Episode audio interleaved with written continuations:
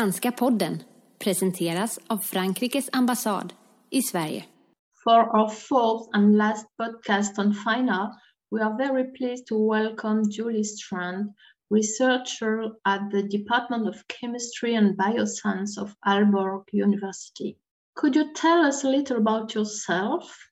Hello, and thank you very much for uh, having me. I'm very honored that my research has been chosen for this award.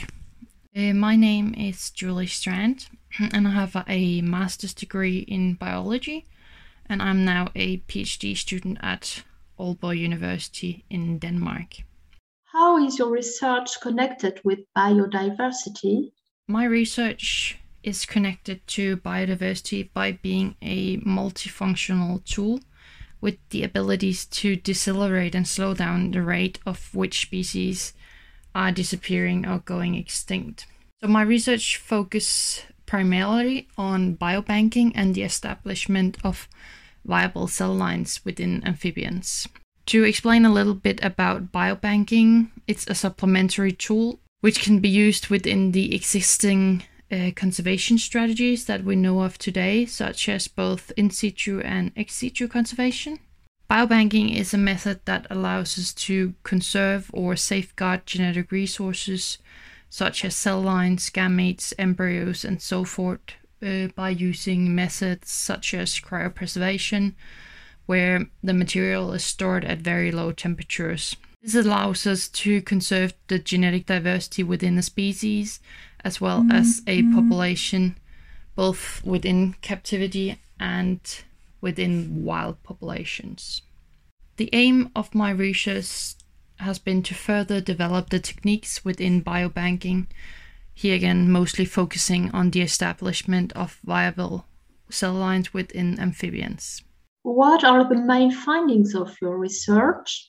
The main findings of my research are the successful establishment of cell lines from various amphibian species, where I have developed a successful protocol which has proven useful within several different species, even though we do see a lot of species specific variation. So that's a huge success.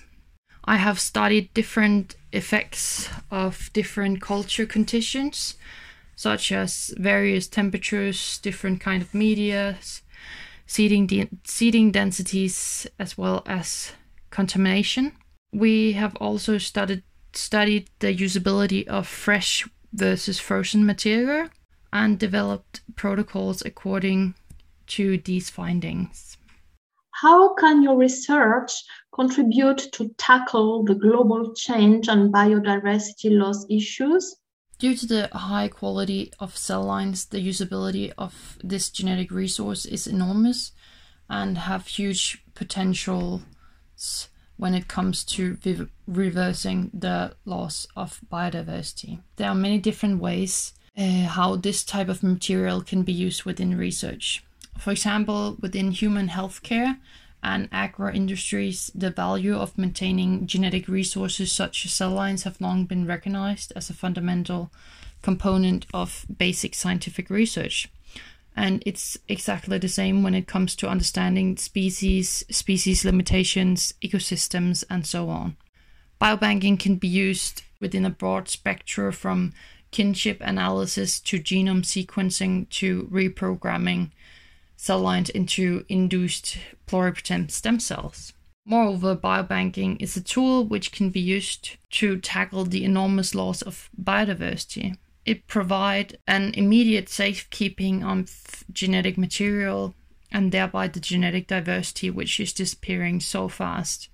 And this is especially seen among amphibians, where 42% of all species are already extinct or endangered. What can be implemented by using your results? With whom?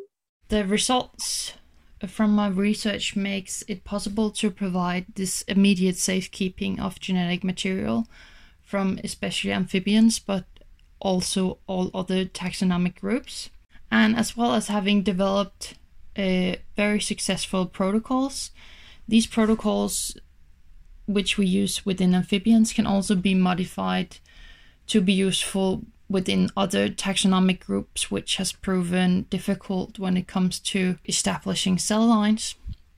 So this type of research have the abilities to be implemented into the current best practices and be able to ensure and improve future conservation strategies when it comes to here specifically amphibians, but all species and taxonomic groups worldwide.